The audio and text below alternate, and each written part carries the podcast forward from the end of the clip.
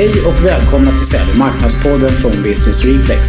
Det här är podcasten för dig som vill ha ny kunskap och inspiration om hur man marknadsför och säljer till den allt mer digitala B2B-köparen. Eh, idag har jag bjudit med mig eh, två stycken gäster som har varit med i Sälj marknadspodden förr. De heter Thomas och eh, Anders. Välkomna Thomas och Anders. Tackar. Tackar.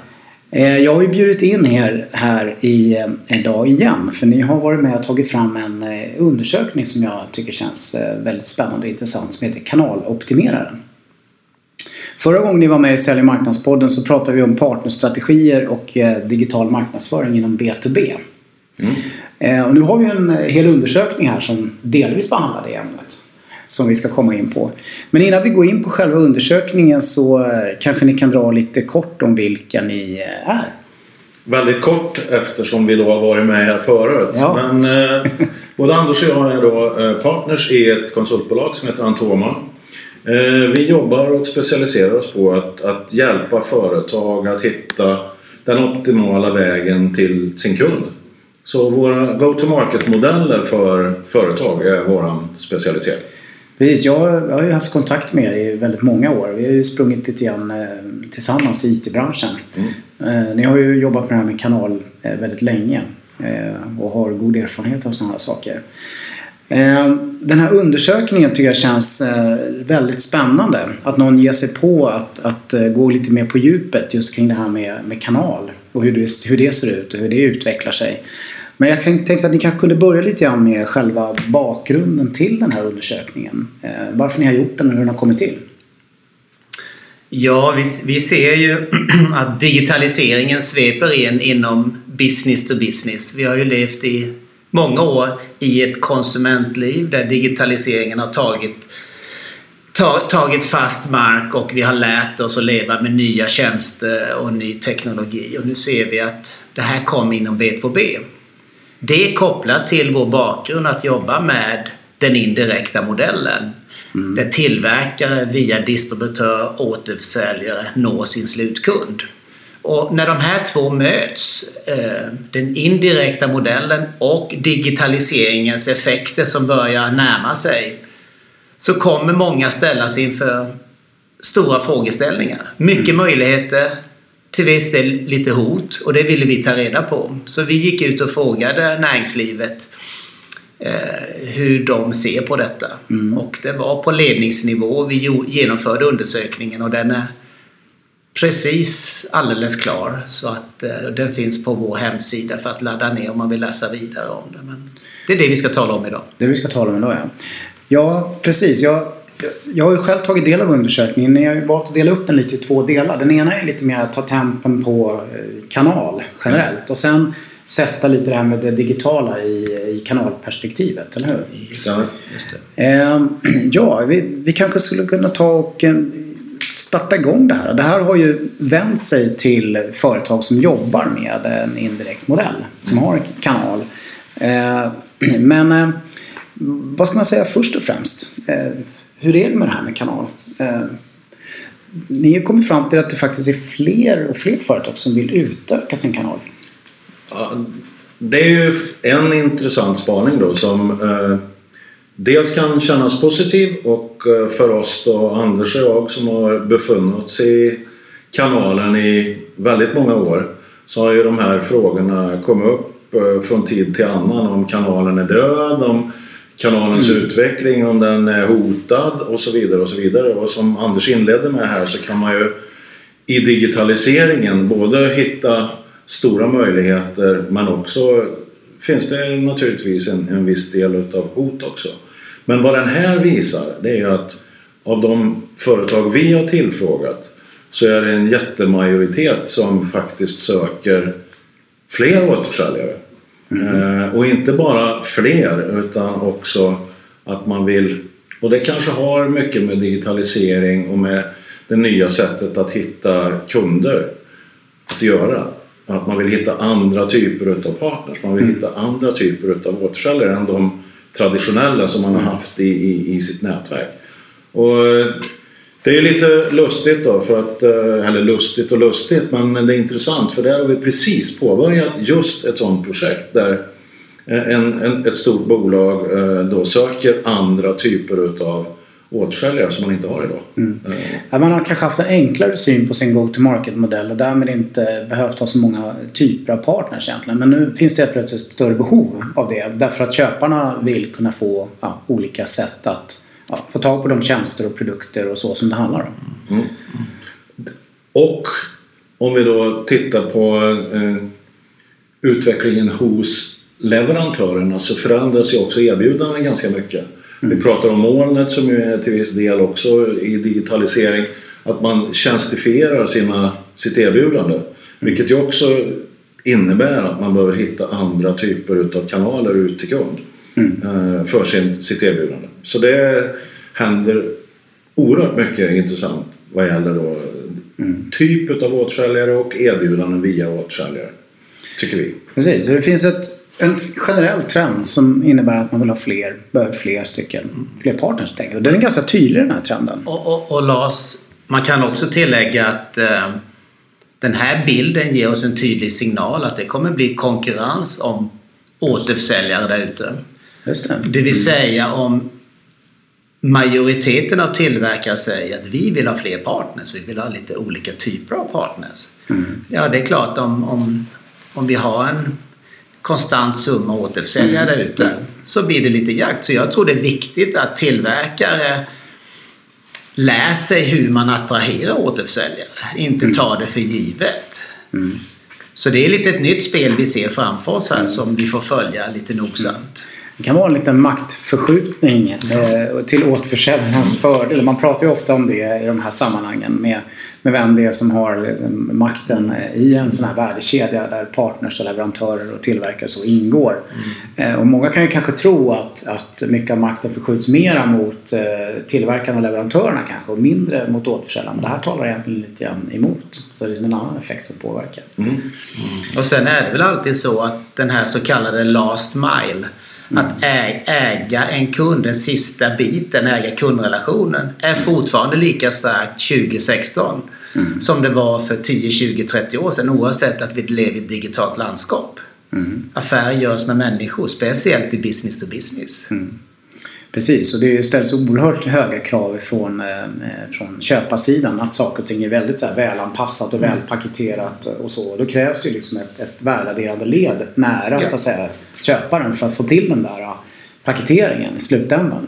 Men vad den också säger, tycker jag då, som är viktigt att påpeka, det är att den homogena bilden över hur en återförsäljare ser ut, mm. den förändras. Den så att det blir en, en, en mycket mer diversifierad syn på hur en återförsäljare ska agera och hur man ska se ut när man levererar sin produkt eller tjänst. Mm. Och den är ju spännande.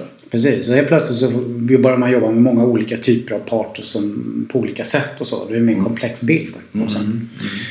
Eh, en annan intressant grej som eh, den här undersökningen tar upp det är det här med, eh, med e-handel. Eh, jag levde själv faktiskt i tron att det hade kommit ganska långt men det är rätt tydligt att e-handel har kommit en bra bit på vägen men det finns eh, väldigt mycket kvar att göra inom det området. Ja. Ja, det kan jag väl säga att vi är överraskade själva. Att eh, det faktiskt bara är 52 procent utav de tillfrågade företagen som säger att de jobbar och säljer produkter och tjänster via e-handel. Mm. Eh, vilket, ja det är som sagt var, vi är förvånade över den siffran. Ja, och att siffran är ännu mer förvånande i att de som har etablerat e-handel fortfarande är i sin linda verkar det som. Mm. Det är väldigt låg andel som går den vägen. Mm.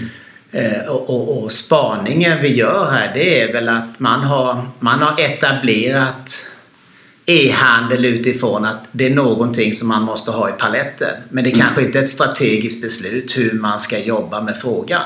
Den kommer nog nästa fas. Ja, ja. ja, det ska bli spännande att se. Men, men att det här kommer röra sig framåt eh, rejält under det här året och de närmaste åren är helt uppenbart med andra ord. Äh, inom traditionell B2B. Ehm, och eh, det, det är bra. Eh, sen finns det en annan intressant grej här då. Ehm, att det driv, pådrivs ändå liksom någon form av direktförsäljningstrend parallellt med den här ökade intresset av att skaffa sig mera partners. Då kan man tycka att det nästan blir eh, det lite motsägelsefullt, men det är det inte. Nej, ja man kan ju tycka det. Och vi som har varit med i, i då partnervärlden i, i många år så har det ju alltid varit ett, ett egentligen ett, om inte krig så i alla fall en, en ett, två olika läger. Ska man sälja direkt eller ska man sälja indirekt? Mm. Och kombinationen mellan direkt och indirekt har inte funnits egentligen tidigare. Mm. Uh, och det har varit ramaskri när man då har försökt Mm. Om man har en indirekt modell som sin utgångspunkt. Att man har börjat sälja direkt också har skapat oerhört stor irritation och hotbild och fara i återförsäljarledet. Men eh, vår spaning där är väl eh, att idag så är det ett måste att man ska kunna ha båda mm. delarna. Man måste, I vissa lägen så måste man kunna sälja via en kanal för att komma nära kund som Anders var inne på förut. Men också i vissa lägen så tillför inte kanalen någonting och då känner man själv att man eftersom många kunder förväntar sig detta vilket var då ett utav alternativen när de svarade på varför de sökte direktkontakt med leverantör så var den vanligaste och den största anledningen var att våra kunder förväntar sig att vi ska sälja direkt. Så kombinationen med både en indirekt kanal och en direkt kanal ser vi definitivt att det är en trend. Mm. Och det kommer ju ställa väldigt höga krav på eh, ja, för tillverkarna som ska skapa den här typen av program som, som tar hänsyn till det här att mm. man både måste jobba indirekt och direkt och få det att hänga ihop strategiskt så att säga, på rätt sätt. Mm. Mm. Eh, både för vårdförsäljarna och partnerna och för en själv och framförallt då för köparen i slutändan. Och här tror jag faktiskt många kan gå bort sig lite grann och tro att man kan jobba för mycket direkt kanske i viss mån i vissa segment. Eh, framförallt i B2B tror jag där det ändå är oftast relativt komplext. Både att liksom förstå vad man ska köpa och förstå hur man ska använda grejerna och få ut riktigt affärsnytta av det. Att man tar för mycket genvägar och försöker gå lite mer direkt i vissa lägen. När det är bättre att kanske verkligen fortsätta att jobba vidare och utveckla sin kanal. Mm. Och jag tror, jag tror när vi ser i i undersökningen att, att 70% av leverantörerna säljer direkt till slutkund så är ju det ett, ett, ett, ett bevis på att, att business to business har kommit så långt så det är ett accepterat fenomen. Vi har mm. levt 10, 15, 20 år i någon, i någon liksom mittemellan-värld. Att man har, har hållit det lite under täcket och, och det mm. inte har varit så tydligt. Men idag är det en tydlig, tydlig trend och den här multistrategitrenden. Alltså att hur går man effektivast till slutkunden? Mm. Det, det, är accepterat att man tar olika vägar. Och, mm. och, det nya nu är ju att när man har öppnat upp för att det är accepterat direkt, man har sin återförsäljarkanal, så kommer man givetvis med digitaliseringen öppna nya möjligheter. Mm. Alltså, runt hörnet väntar ju ytterligare kanaler eh, som man kan ta till mm. när digitaliseringen har slått i full blom. Mm. Av det vet vi ingenting än men det enda vi, vi, vi, kan ha klart för oss det är att, att det kommer förändras. Och det, det kan vara olika former av tekniker för att öppna upp nya kanaler. Men att den här frågan kommer vara het, den är, det är solklart. Mm. Jag får bara flika in en sista grej där kring det också för jag tycker det är oerhört intressant just det här med vi jobbar ju rätt mycket med partnerprogram och hur man ska definiera vem som gör vad och det blir ännu viktigare i den här nya världen när man har både indirekt och direkt att man har ett tydligt partnerprogram som då säger vem som ska leverera vad, vem, vem som ansvarar för vad och hur man förhåller sig i sin, sin affärsrelation. Eh, så den, den kommer ju bli ytterligare accentuerad och intressant framöver. Mm, precis. Eh, någonting som ju är väldigt väl känt här det är ju att man, eh, man använder marknadsstöd på olika sätt ihop med sina partners. Mm. Men, men vad säger undersökningen där egentligen? Det kanske inte är lika frekvent som man skulle kunna tro? Eller? Nej, det är, vi är väl lite förvånade. Vi ser att ungefär hälften av de vi intervjuade utav de intervjuade tillverkarna, de har Eh, marknadsstöd som en del att driva sin återförsäljarkanal och hälften har det inte. Mm. Och det är vi förvånade över. Vi trodde att det var en större andel som hade mm. eh, denna typ av MDF-medel. Och sen eh, nästa fråga ni har eh, tagit upp kring just det här ämnet då, eh, kanske en del av förklaringen. Att eh, det visar ju att, att man inte är så nöjda med de program man har. Mm. Kanske många som haft utmaningar med att få dem att fungera och gett upp lite på vägen.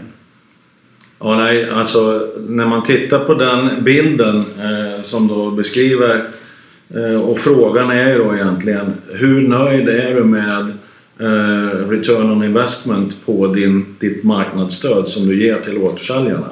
Mm. Så är det skrämmande att det är endast en av tre som säger att man är nöjd med sin investering. Det är alltså två av tre som då är missnöjda. Och det är ju inte direkt någon bra investeringskalkyl om, om två av tre är missnöjda.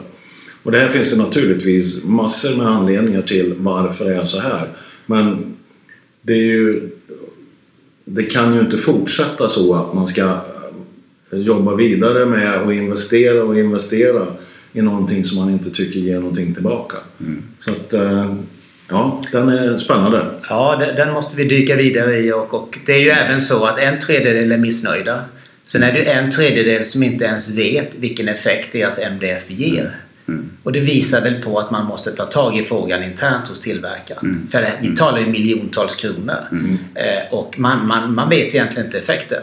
Nej. Och, och grundproblemet man får här det är att man får inte någon effektiv så att säga, ja, skapande av eh, nya affärsmöjligheter och nya leads. Och liksom, det, det, det, är ingen effektiv marknadsapparat som snurrar här liksom, mellan leverantörer och återförsäljare. Och det, det är ett problem för återförsäljarna och partnerna lika mycket som det är för leverantörerna. Så att, Ja, ja, det, blir väl någon, det blir väl någon slags eh, ond trend för att eh, om man som återförsäljare också då får höra att de inte är nöjda. Mm. Ja, mm. Då blir man ju inte så taggad för att göra något nytt spännande marknadsprogram nästa gång. Så att jag tror att Nej.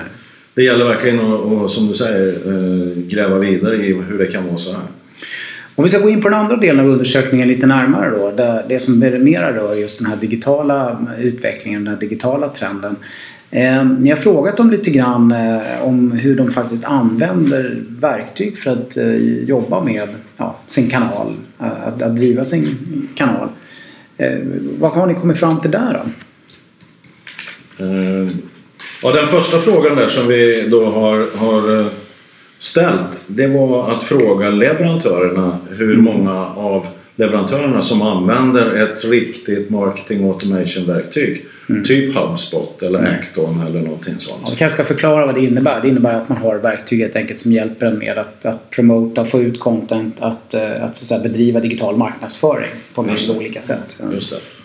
Och när vi ställde den frågan, hur många då som använder mm. sig av ett sådant verktyg idag mm. i sin marknadsbearbetning så är det bara 38 procent av leverantörerna som säger att de använder ett ett mm. digitalt verktyg. Mm. Eh, så att här känns det verkligen som eh, vi har mycket att göra. Att mm. Eh, komma in på det moderna sättet att gå ut och, och, och marknadsföra oss. Mm, precis. Så det, det, det är avsaknad av att komma igång med sådana här saker. Det är rätt uppenbart på leverantörssidan. Hur ser det ut om man skulle titta på det här utifrån partnerperspektivet och återförsäljarnas perspektiv? Ja, det är om möjligt ännu sämre? Jo, det är, det är möjligt. Alltså undersökningen säger att eh, det är endast 18 procent av återförsäljarna som använder denna typ av verktyg för att eh, skapa mer affärsmöjligheter mm. på sin lokala marknad. Mm. Och det, ju, det här är klart, det är ett jätteunderbetyg. Mm. Att vi mm. ja, sitter här idag och, och konstaterar att eh, det är fyra av fem stycken som inte har påbörjat den här resan. Ja. Ja, det är eh, helt klart eh, förvånande eh, siffror. Jag kan hålla med om att jag lever ju med det här själv väldigt mycket och vet ju att det är många företag som inte har kommit igång och kommit så långt. Framförallt tycker jag det är förvånande på återförsäljarsidan. Det är nästan ingen som har börjat med det här på ett strukturerat sätt. Mm. Det är väldigt få.